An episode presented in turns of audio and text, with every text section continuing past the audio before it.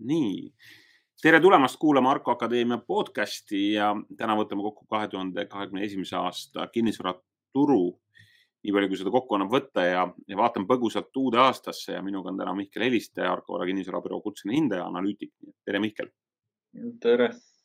ja minu nimi on Elari Tamm ja te olete kuulamas siis Arko Akadeemia podcasti, mina olen kinnisvarabüroo tegevjuht ja partner. Mihkel, Läheme kohe asja kallale, et koroona mõju jäi arvatust nõrgemaks, ei jäänud. kui palju kasvasid siis hinnad äh,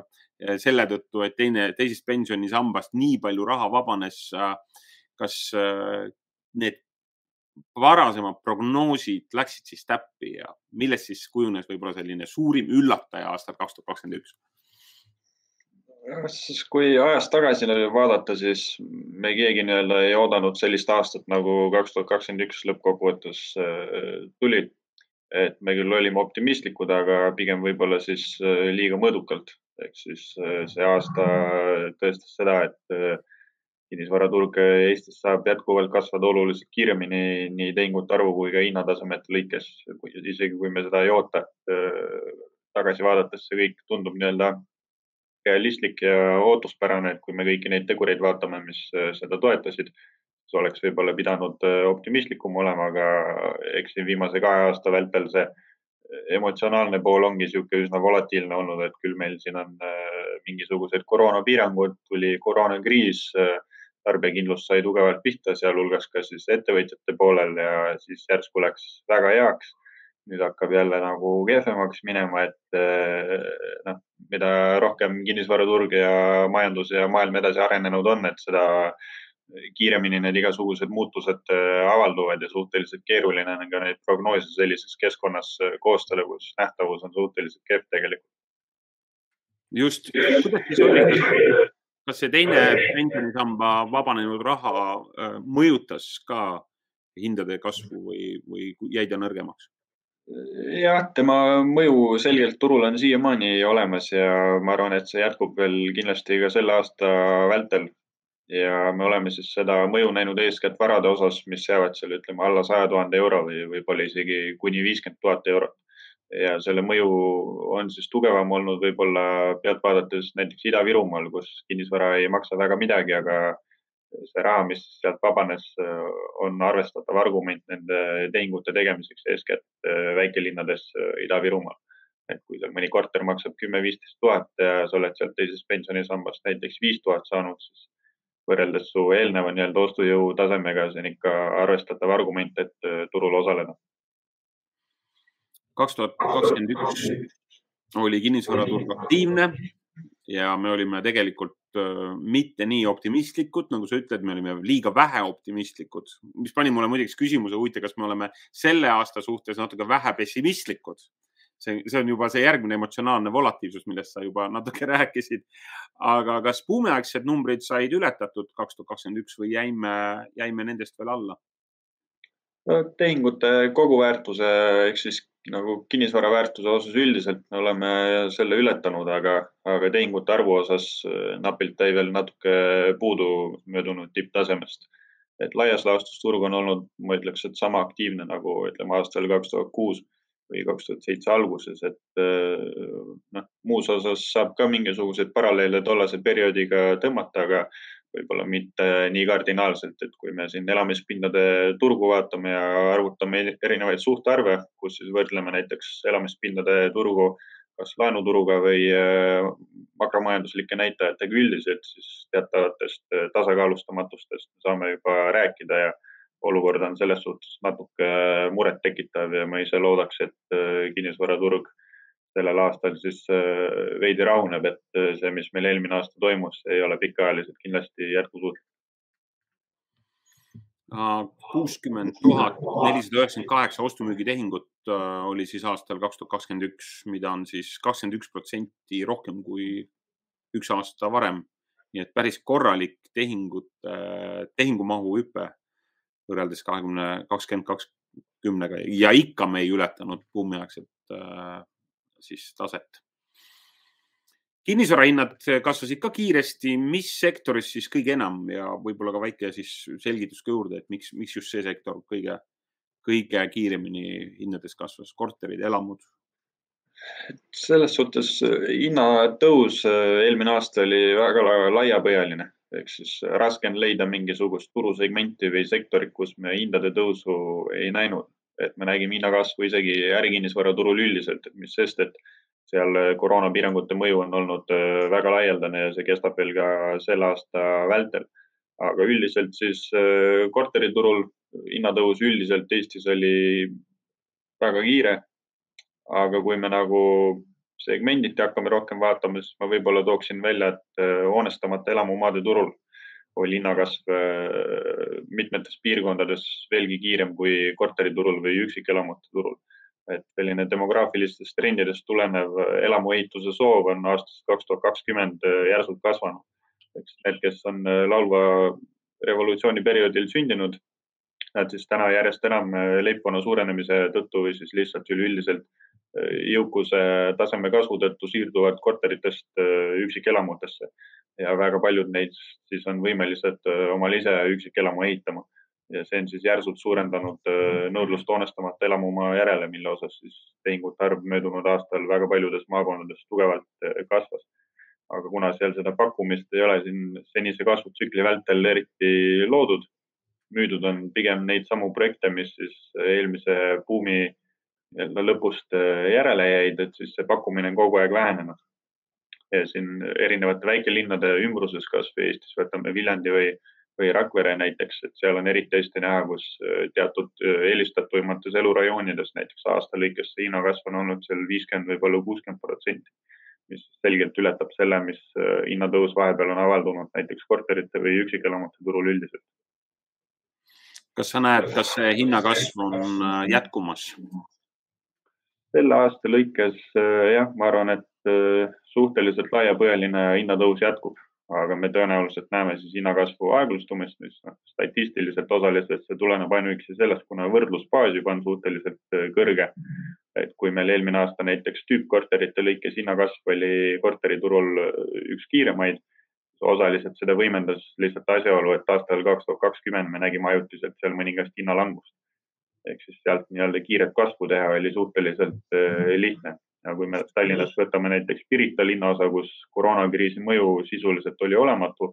kuna sealne elanikkond siis äh, ei saanud ei majanduslikult ega sotsiaalselt nendest äh, piirangutest kuidagi mõjutatud, kuna nad üldiselt ei tööta teenindussektoris, siis äh, seal ka need kasvunumbrid eelmine aasta olid suhteliselt tasakaalukad võrreldes näiteks Lasnamäe või Mustamäega mis siis äh, tuletas meelde ka eelmist sügav, sügavamat kriisi, et need piirkonnad, kus ikkagi see jõukuse tase oli juba saavutatud või kõrgem, siis ka, ka kriisist äh, räsida said äh, nii, nii need inimesed kui see kinnisvara kõige vähem. ma mäletan ka vanalinna numbreid, et kaks tuhat seitse, kaheksa, et need,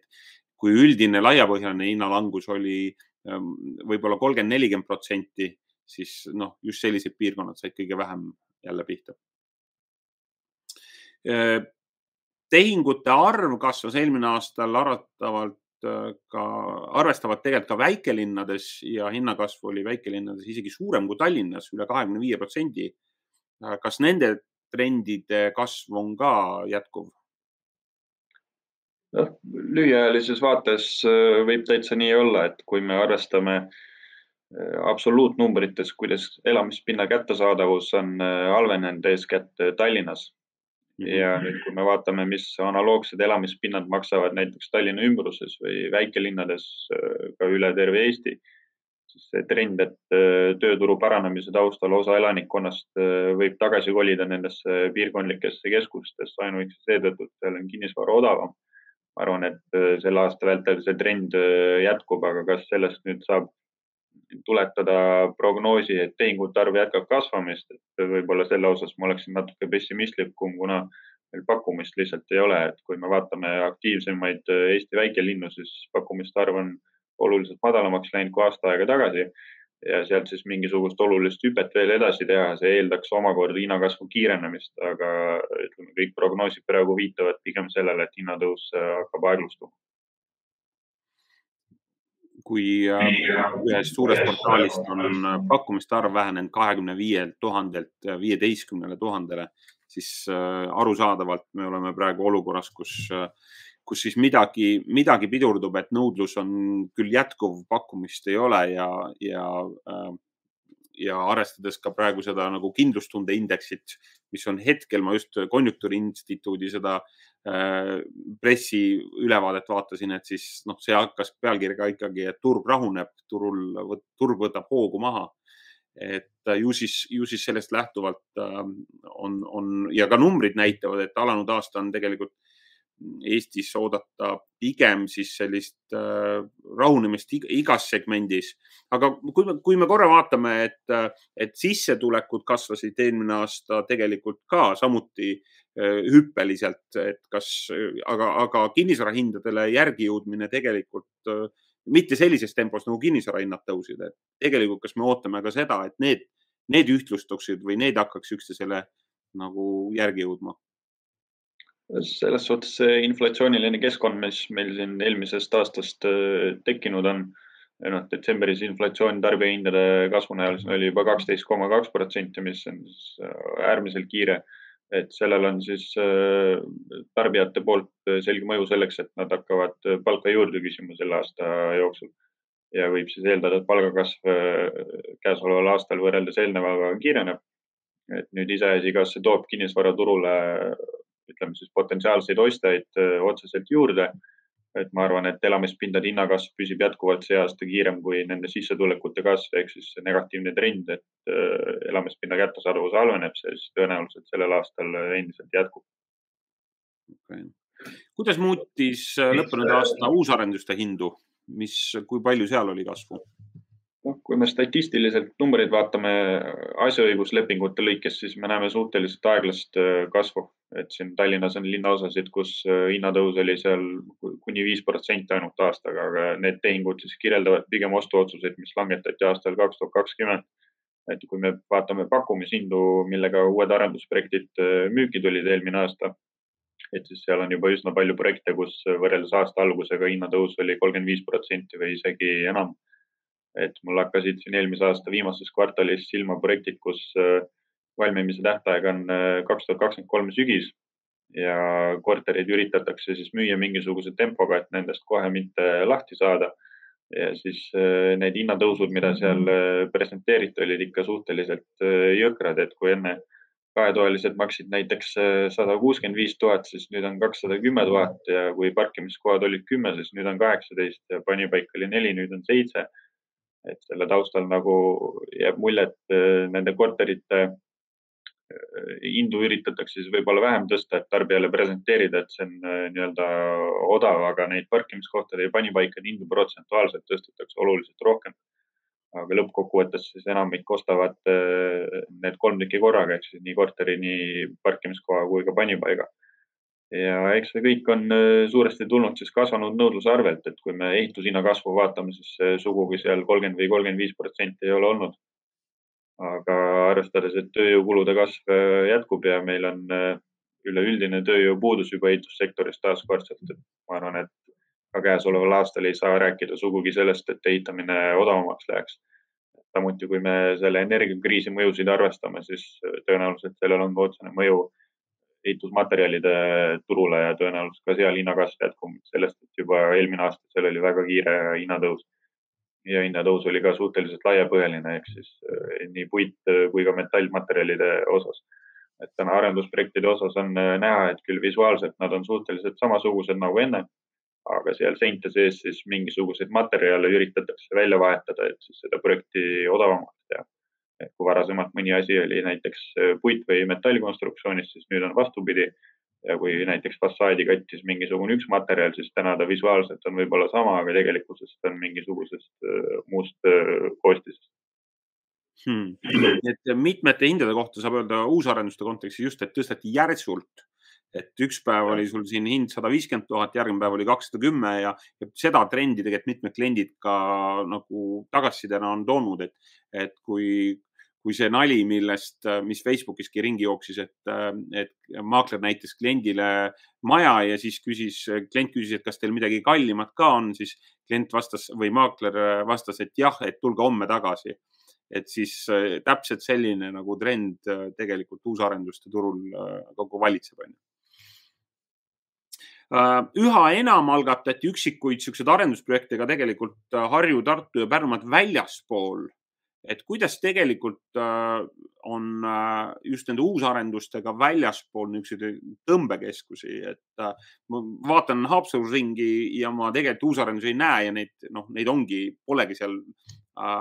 viimastel aastatel nagu tõsiselt ette võetud, et milline see väikelinnade või sihuke tõmbekeskuste väline arendus kinnisvaraturg on, sest vajadus ju uute elamiste, elamute järgi ja, ja elamispinnade järgi on ju igal pool tegelikult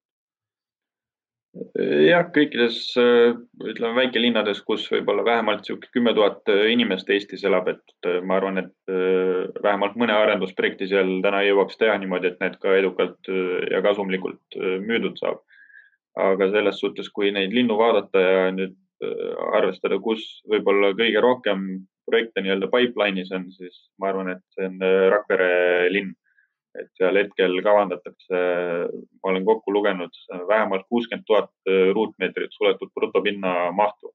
mis võimaldaks kortereid teha lähima kolme aasta jooksul, mis meil nüüd tuleb. ja need pakkumishinnad seal on noh, suhteliselt kõrged juba, et kui veel mõni aasta tagasi sai seal uusi kortereid osta näiteks tuhat kuussada eurot ruutmeeter, siis nüüd uued projektid, mida soovitakse tuua, üldiselt need on juba seal kaks tuhat kakssada, kaks tuhat kolmsada et äh, paberi peal tõenäoliselt need numbrid täis ei tule, kui neid tagatiseks äh, hinnata, ehk siis äh, noh, tõenäoliselt seal tuleb mingisuguseid likviidsusprobleeme varem või hiljem. et kui see turusituatsioon püsib selline, nagu ta on veel pikemat aega, siis on kõik hästi, aga kui sellel aastal see jahtumine peaks siin energiakriisi või üleüldise majanduskasvu aeglustumise taustal kiiremini juhtuma, et siis võib probleeme tekkida, kuna noh, ehitus tegevus on suhteliselt pikaajaline protsess ja üldiselt väikelinnas paberi pealt nii-öelda isikud neid kortereid väga osta ei julge. et trend on küll mõnevõrra muutunud, et näiteks Raplas praegu ehitatakse uusi korterelamuid, et seal paberi peal müük tundub, et läheb suhteliselt hästi. aga kui me veel näiteks aastaid seal kaks tuhat kuusteist, seitseteist vaatame, siis nii Rakveres kui Viljandis, ega sealt paberi pealt väga keegi neid osta ei tahtnud, et inimestel on jätkuvalt meeles äh, eelmise nii-öelda buumi sündmused ja mis sellele järgnes aga niikaua, kuni meil valitseb siis pakkumise defitsiit, siis võib eeldada, et need trendid vähemalt ajutiselt muutuvad ja inimesed on nõus võtma suuremaid riske kui varasemalt okay.. kui hea või halb aasta oli üürileandjatele?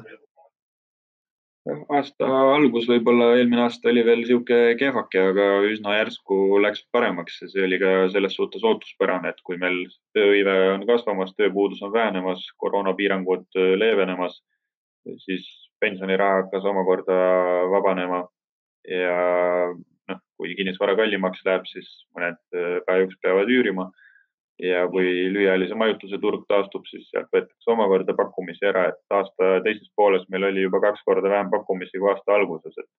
sellele järgnes siis ka suhteliselt kiiresti kasvav äh, üürihindade tase, et kui me Tallinnat vaatame, siis detsembris olid üürihinnad juba viisteist protsenti kõrgemal kui aasta tagasi aga kui me näiteks Eesti väikelinnadesse läheme, siis seal nii tempokat hinnatõusu me ei näinud, aga samas ka see koroonakriisi mõju Eesti väikelinnadele oli suhteliselt mõõdukas. et kui Tallinnas selline teenindussektori osakaal kogu majandustegevusest on suhteliselt suur, tähendab seda, et seal neid isikuid, kes üürivad ja kes on madalapalgalised, neid on suhteliselt palju. aga kui me läheme väikelinnadesse, siis seal pigem nad töötavad kas kuskil tööstuses või mingites muudes valdkondades, mida need koroonapiirangud ei mõjutanud ja ühtlasi neil ei olnud ka siis mingisugust negatiivset mõju nende tarbijakäitumisele või siis nende kindlustundele. okei okay. mm,. just hiljuti kliiniga rääkida, äh, mis puudutas siis üüriturgu ka väikelinnas, siis äh, tõi välja, et, äh, et, et pakkumiste vahel on nagu ütleme, see kvaliteedi vahel on suur, et kas siis pakutakse midagi väga, väga, väga kehva või siis sellist äh, kehvas seisus asja ja tahetakse kõrget hinda või siis väga head asja, aga väga kõrge hinnaga. aga just sellist nagu keskmist, kus sa nagu, äh, kus, mis siis hakkaks nagu ütleme, suurema osa, osale hammas peale, seda nagu tegelikult pakkuda jätkuvalt ei ole, et see väikelinnade selline üüriikaldus on nagu tegelikult jätkuv ja ma olen aru saanud, et isegi natuke süvenenud um,. räägime sellisel teemal veel nagu valglinnastumine äh, kas see jätkub ja millised piirkonnad on nõutumad Tallinna ja näiteks Tartu ümbruses? jah, selles suhtes see trend käesoleval aastal veel kindlasti tempokalt jätkub, et äh, kui nendes keskustes, olgu selleks siis Tallinn või Tartu,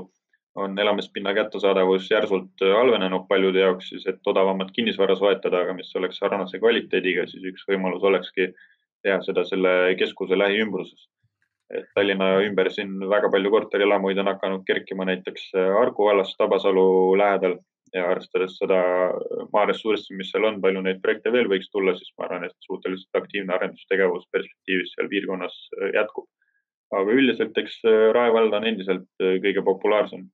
ja kunagiselt väga populaarne Viimsi vald ei ole siis hiljaaegu enam nii populaarne olnud, et kuna need liiklusummikud ja sealne siis suurenenud hoonestustihedus ei ole võib-olla enam nii atraktiivne, kui ta veel viisteist aastat tagasi oli ja Tartu ümber, eks äh, Tartu vald on äh, kõige atraktiivsem, kuna ta on kesklinnale kõige lähemal. ja teisalt siis äh, Ülenurme piirkond on atraktiivne, aga kuna ta kesklinnast jääb juba kaugemale ja seal selliseid atraktiivseid arenduskrunte on järjest vähem, siis ehitustegevus siirdub kogu aeg järjest kaugemale Tartu kesklinnast. eks Tallinnas on täpselt sama trend, et tugevalt on näiteks esile kerkima hakanud eeskätt ridaelamute lõikes ka juba Kiili vald, et kuigi ta jääb suhteliselt kaugele, siis me eelmine aasta nägime seal väga kiiret hinnakasvu, mis selgelt ületas äh, enamike teiste Tallinna ümbruses paik, paiknevate arendusprojektide hinnatõusu. Et niikaua, kuni ostjaid jätkub, siis äh, kindlasti valglinnastumine jätkub ja mida kiiremini elamispindade hinnad Tallinnas ja Tartus tõusevad, seda enam see võimendab siis valglinnastumise trendi ka. okei okay vaatame võib-olla nüüd natuke ette, et äh, milliseid trende me tegelikult on märgata praegu elamus, elam, elamuturul ja, ja mis, mis siis võiksid äh, ka seda aastat võib-olla natuke iseloomustada, et mis, mis, mis need trendid on? trendid on sellised, et seal samamoodi nõudluse kasv on olnud laiapõhjaline, et äh, otsitakse nii suvilaid või maamaju kui ka siis üksikelamuid, kus alaliselt elada ja samamoodi, kui me korteriturul oleme näinud äh, valglinnastumist, siis elamuturul näeme võib-olla, et isegi nii-öelda vastulinnastumist ehk siis kolitakse oluliselt kaugemale keskustest. Aga põhjus ei ole siis selles, et äh, inimestele hirmsasti maal meeldiks elada, vaid samamoodi nende kinnisvarade hinnakasv on olnud lihtsalt nii kiire, et, äh, et sama raha eest midagi soetada, noh varasema võib-olla kümne kilomeetri asemel, asemel peavad praegu näiteks kolmekümne kilomeetri kaugusele sõitma ja seetõttu me oleme siis nende varasemalt ääremaastunud piirkondade osas näinud olulist likviidsuse kasvu eelmine aasta. ja eeskätt siis pakkumisse lisanduvad äh, väljaspool Harju ja Tallinn, Harjumaad ja Tartumaad äh, rahuldavas seisukorras varad. et kuna meil äh, arvestatav osa vanemast elanikkonnast pidevalt lahkub, siis lapsed müüvad neid päranduseks saadud varasid ja üldiselt need on siis suhteliselt kehvas seisukorras. ja kui uusehitistest rääkida, siis paralleelselt hoonestamata elamumaa järgse tugeva nõudlusega. meil on ka uusehitiste osas nõudlus suuresti kasvanud, aga kuna seal pakkumine väljaspool Harju ja Tartumaad on suhteliselt õhuke, me oleme näinud seda, et seal hinnakasv on teatud piirkondades olnud mõnevõrra kiirem kui järelturul. kuna neid inimesi, kes on siis ostu- ja laenuvõimelised, neid on järjest rohkem olnud selle positiivse konjunktuuri taustal sinna aastast kaks tuhat kakskümmend. okei okay võtame veel mõned tähelepanelikud, äh, et äh, sinu turuülevaatest, mida sa oled kokku pannud ja võib-olla vahemärkusena kõik, kes te tahate Arko Vara kinnisvarabüroo turuülevaadet, siis kommentaaridest leiate lingi ja, ja tellige see omale postkasti. iga kuu värske ja täpne turuülevaade,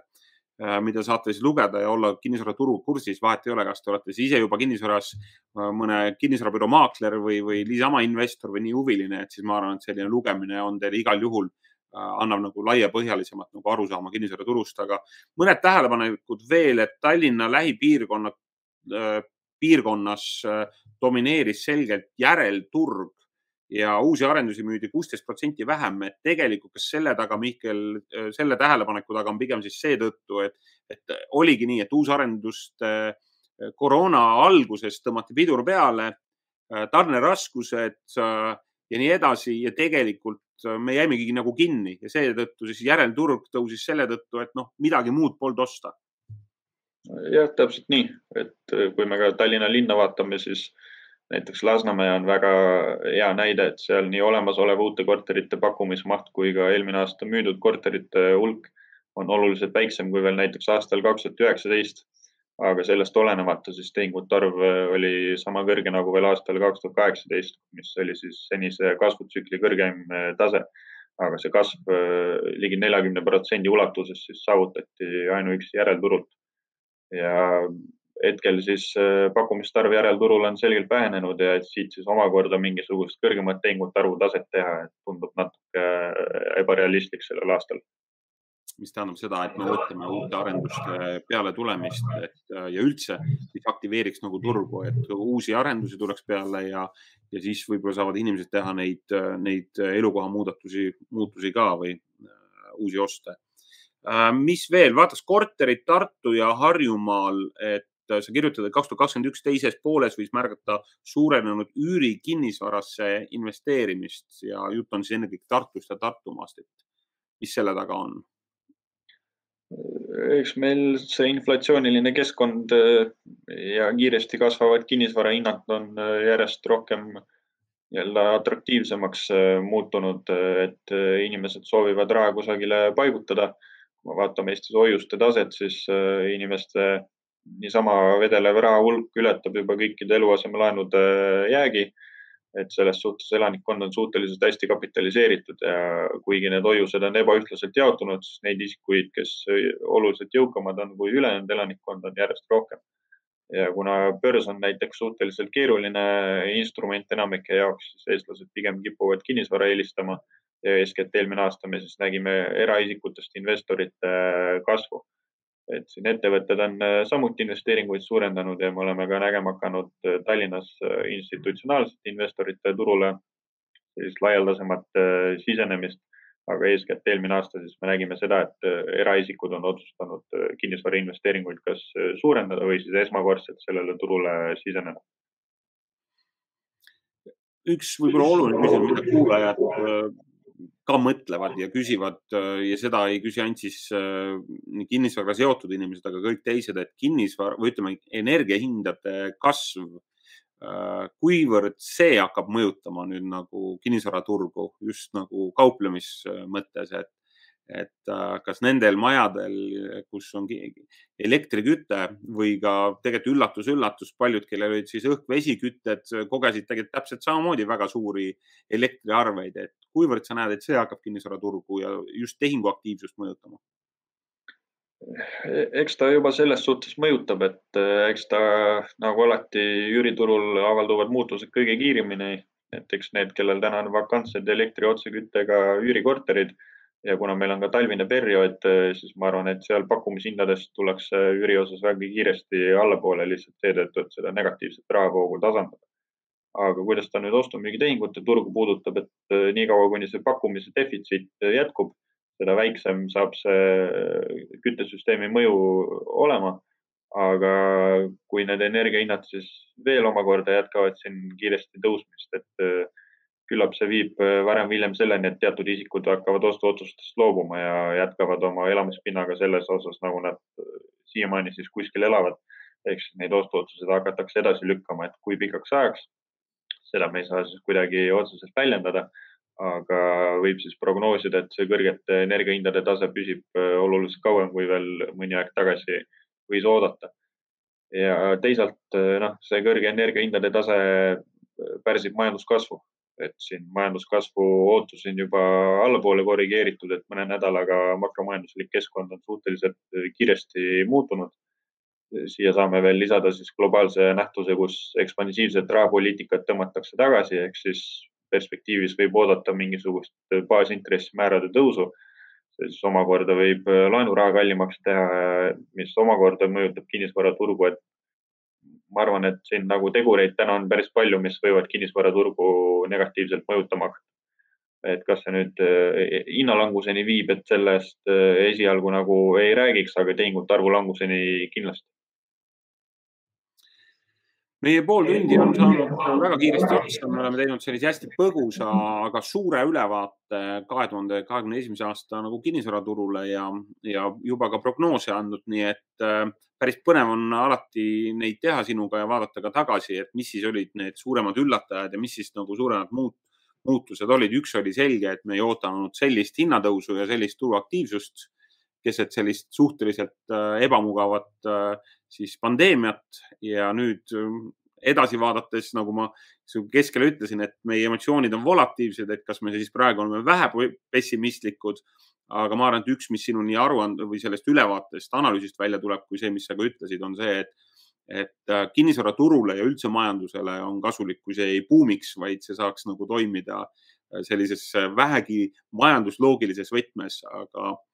aga huviga oleme alustanud uut aastat, nii et ähm, Mihkel, suur tänu sulle selle eest ja aitäh ka kõigile kuulajatele ja järgmiste, järgmiste Argo Vara Akadeemia podcastideni